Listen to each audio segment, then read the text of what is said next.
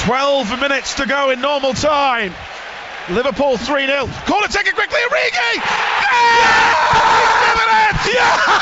Unbelievable! Oh! Pekan ke-14 Liga Premier Inggris dihiasi kemenangan besar Manchester United atas Leeds United dengan skor 6-2. Bermain di kandang sendiri, klub dengan julukan setan merah tersebut memulai keunggulannya lewat gol cepat Scott McTominay di menit kedua. Baru semenit berselang, McTominay berhasil menggandakan kedudukan. 2-0 untuk MU. Sampai di sini uh, mungkin kalian yang mendengarkan ini sedang bertanya-tanya. Kenapa saya bahas bola? Padahal ini podcast ngopi. Ngobrolin pandemi. Jadi gini,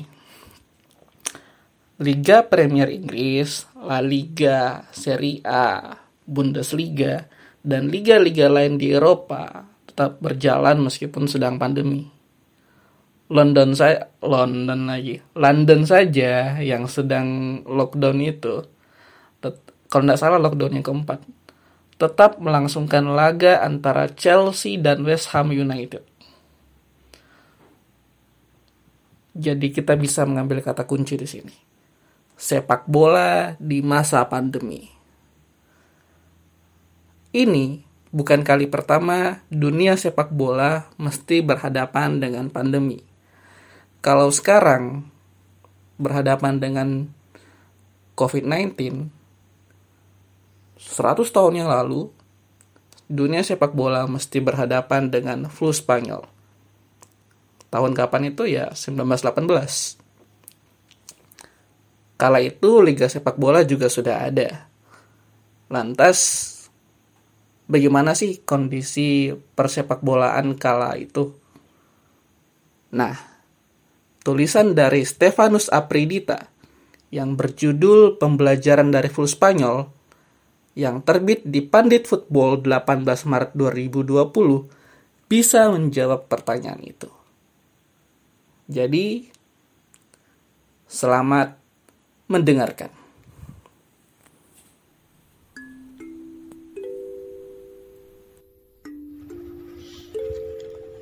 Jauh sebelum wabahnya virus corona, dunia sempat diguncangkan dengan pandemi bernama flu Spanyol. Risiko kematiannya pun cukup besar, mampu mencapai 20%. Tayal, jika virologis Amerika Serikat, Jeffrey Taubenberger, menjuluki flu Spanyol sebagai the mother of all pandemi. Belum jelas asal-muasal dari virus flu Spanyol yang membunuh 50-100 juta jiwa sepanjang tahun 1918 akhir Perang Dunia Pertama. Beberapa ahli mengatakan virus ini berasal dari Amerika Serikat. Ada pula yang mengatakan virus ini pertama kali ditemukan di Swedia dan Rusia.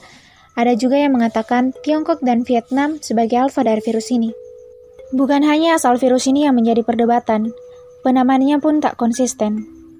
Disebut flu Spanyol karena semua negara yang terlibat Perang Dunia Pertama menyensor informasi terkait penamaan wabah virus ini. Spanyol yang saat itu berada di posisi netral melalui medianya menyebarkan berita terkait flu ini, maka disebutlah flu Spanyol. Tapi anehnya, media Spanyol malah menyebut flu ini dengan flu Prancis. Kini kita mengetahui bahwa penyebab utama flu ini adalah virus influenza tipe A subtype H1N1. Layaknya flu biasa, penderita akan mengalami flu berat, batuk, bersin, hingga sakit kepala. Gejala yang berlanjut menjadi mimisan, muntah-muntah, menggigil, diare, hingga herpes. Virus ini akan menyerang paru-paru dan berkembang menjadi pneumonia. Fase inilah yang dapat membunuh penderita. Dengan jumlah penduduk dunia yang baru mencapai 1,7 miliar, 60% penduduk dunia di tahun 1918 terjangkit virus ini. Penyebaran ini juga ditunjang dengan mobilitas tinggi tentara akibat Perang Dunia Pertama. Lebih mengejutkan, korban flu Spanyol paling banyak berasal dari rentang umur 20 sampai 40 tahun, di mana semestinya imunitas sedang dalam kondisi yang baik. Dengan risiko yang begitu tinggi, Para epidemiologis menyimpulkan flu Spanyol adalah penyakit menular paling mematikan saat itu. Penamaan flu Spanyol sedikit masuk akal jika melihat jumlah penderita di Spanyol. Negeri di semenanjung Liberia itu menjadi salah satu yang terparah mengalami imbas dari flu ini, dengan ratusan ribu orang tewas. Oleh sebab itu, masyarakat dunia menyebutnya sebagai flu Spanyol. Raja Spanyol saat itu, Alfonso XIII, turut menjadi korban virus ganas ini, meski akhirnya sembuh. Kurangnya kewaspadaan terhadap virus flu Spanyol berdampak cukup besar bagi penyebaran pandemi ini. Selain dari mobilitas tentara saat Perang Dunia Pertama, kontribusi besar juga disumbangkan dari sektor sepak bola. Sepak bola yang digilai masyarakat karena dianggap sebagai hiburan rakyat terus dimainkan di tengah wabah ini. Sejumlah kompetisi tak berhenti bergulir guna memenuhi dahaga para warga. Di Spanyol, meski La Liga belum lahir, kompetisi amatir di tiap wilayah begitu digandrungi. Klub amatir menjadi representasi dan kebanggaan warga lokal. Selain itu, Copa del Rey alias Piala Raja pun terus bergulir, pada edisi 1918, turnamen itu berjalan di tengah badai flu Spanyol. Seakan tak takut dengan ancaman flu Spanyol, Piala Raja terus berjalan dan melahirkan Real Union sebagai juaranya, setelah mengalahkan Madrid FC 2-0. Pertandingan ini memberikan dampak terhadap penyebaran virus flu Spanyol kepada sebagian besar penonton yang hadir di Stadion Campo de Odenal. Bentuk pengabaian terhadap resiko penyebaran flu Spanyol lainnya terjadi di Britania Raya, Penyebaran virus yang begitu cepat diawali dengan kepulangan para serdadu dari Prancis usai Perang Dunia Pertama. Sontak, 228 jiwa melayang di Inggris akibat flu Spanyol. Bukannya melakukan isolasi, Inggris justru baru memulai sepak bola profesional pertamanya. Bahkan jumlah pesertanya bertambah, yang mana saat amatir hanya berjumlah 20 menjadi 25 di tahun 1918. Walhasil, sepak bola Inggris memiliki korban yang positif terjangkit flu Spanyol. Sepak bola Inggris yang positif tertular flu Spanyol, penyerang sayap Newcastle United, Angus Douglas, serta manajer klub Skotlandia Hibernian, dan MC Michel tewas karena flu Spanyol.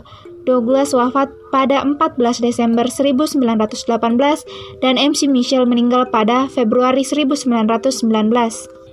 Di Brazil, Penyebaran flu Spanyol akibat sepak bola juga cukup menyedihkan. Dari beberapa sumber disebutkan, kasus pertama flu Spanyol di Sao Paulo berasal dari para pesepak bola amatir asal Rio de Janeiro yang mengunjungi Sao Paulo. Para pemainnya jatuh sakit di Sao Paulo pada 9 Oktober. Oleh karenanya, mereka juga yang menyebarkan penyakitnya ke korban-korban lain di hotel di Osti, di mana tim menginap. Hal ini diungkapkan Liane Maria Bertucci dalam artikelnya Spanish Flu in Brazil, Searching for Causes During the Epidemic Horror yang dilansir The Spanish Influenza Pandemic of 1918 and 1919. Semua hal tersebut membuktikan bagaimana kurangnya kesadaran akan pentingnya keselamatan dapat membawa bencana, bahkan dari hal yang kita sukai seperti sepak bola. Penularan virus flu Spanyol di Brazil yang berawal dari kegiatan sepak bola mencapai 65% dari warga Brazil. Virus flu Spanyol ini menewaskan 14.000 penduduk Rio de Janeiro, termasuk sang presiden Francisco de Paula Rodrigues Alves. Dampak yang langsung menyadarkan Brazil bahwa sepak bola yang menjadi darah daging mereka justru membawa petaka. Pemerintah Brazil langsung memberhentikan semua aktivitas sepak bola yang memberikan sumbangsih terhadap penyebaran virus flu Spanyol. Bencana nasional itu juga memaksa otoritas Brazil untuk menunda turnamen Campeonato Sudamericano de Football yang kini menjadi Copa America ketiga di tahun itu. Kompetisi yang rencananya akan dihelat di Brazil, hajatan empat tahunan itu baru kembali dimainkan pada 1919 di Rio, yang diikuti empat negara, Brazil, Argentina, Uruguay, dan Chili. Gelaran dengan sistem klasmen itu menjadikan Brazil sebagai juaranya setelah unggul selisih gol dari runner-up kala itu Uruguay. Trofi yang menjadi hadiah penghibur bagi masyarakat Brazil yang tengah sedih dihantam flu Spanyol. Dari peristiwa ini kita dapat belajar bahwa semua akan kembali normal ketika kita bersabar. Setelah badai flu Spanyol hilang, tak lantas ikut menghilangkan animo masyarakat Brazil yang rindu menyaksikan pertandingan sepak bola. Semua tetap sama, tak berubah. Para penonton tetap antusias dan memenuhi Estadio das Laranjeiras untuk menyaksikan pertandingan Campeonato Sudamericano de Football, sebuah bukti bahwa semua akan kembali seperti sedia kala. Di Inggris, pasca teguran berharga dengan tewasnya Douglas dan MC Michel, Piala FA yang sedianya akan diadakan tahun 1918 langsung ditunda. Padahal, Piala FA yang sudah dihentikan selama tiga tahun sejak 1915 imbas dari Perang Dunia Pertama. Uniknya lagi, penundaan Piala FA hanya menyisakan satu pertandingan puncak, laga final yang mempertemukan Aston Villa dengan Huddersfield Town. Final yang tertunda selama tiga tahun tidak menyurutkan animo pendukung kedua kesebelasan dan tetap memadati Stamford Bridge. Kerinduan melihat kesebelasan tercintanya terbayar lunas pada pertandingan yang menjadikan Aston Villa sebagai juara yang tertunda. Sukacita bukan hanya merayakan hilangnya virus flu Spanyol, namun lebih dari itu, kebahagiaan menyambut kembalinya cinta bernama sepak bola. Selain itu, solidaritas juga ditunjukkan oleh para stakeholder sepak bola Spanyol, Sejumlah klub tercatat menggelar laga-laga amal demi menggalang dana bantuan untuk para korban flu Spanyol. Contoh terbaik diberikan Atletico de Madrid dan Atletik de Bilbao yang punya kegiatan rutin membantu masyarakat setempat selama wabah berlangsung. Bahkan Atletik de Bilbao beberapa kali menggelar laga amal, di mana keuntungan yang didapat dijadikan dana bantuan untuk para keluarga korban di masa sulit itu.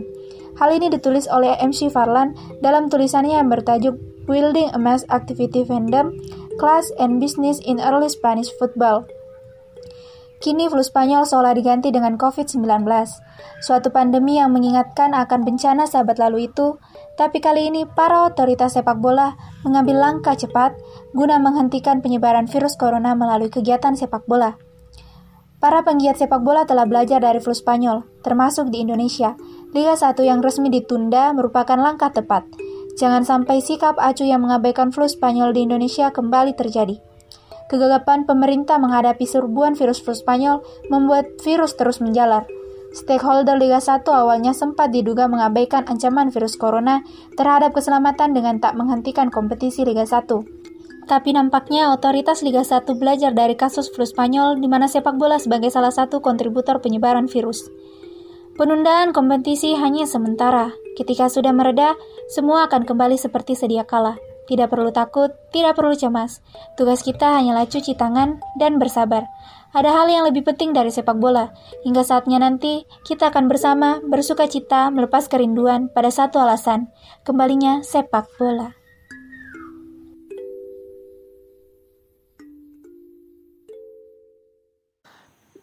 Jadi saya lupa bilang kalau podcast ini adalah produk dari proker KKN Unhas gelombang 105 wilayah Maros.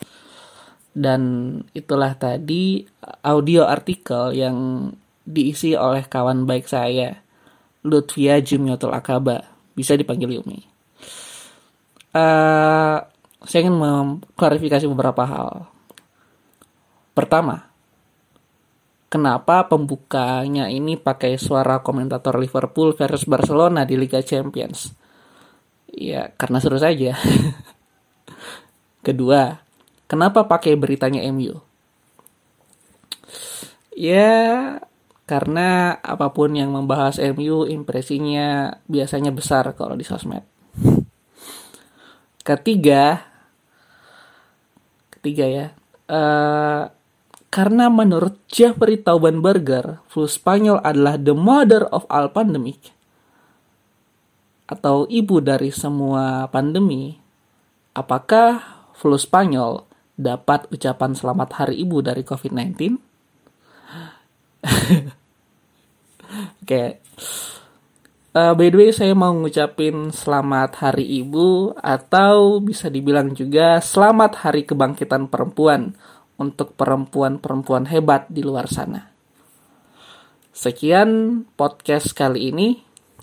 Ingat, jaga daya tahan tubuh dengan olahraga teratur, makan makanan yang bergizi, jangan makan mie melulu, mie instan terutama, pakai masker saat beraktivitas di luar rumah. Dan pakainya masker medis ya, jangan pakai masker buat perawatan, karena itu tidak berguna kalau mau lawan corona. Eh, rajin-rajin uh, cuci tangan, dan jaga jarak. Salam olahraga.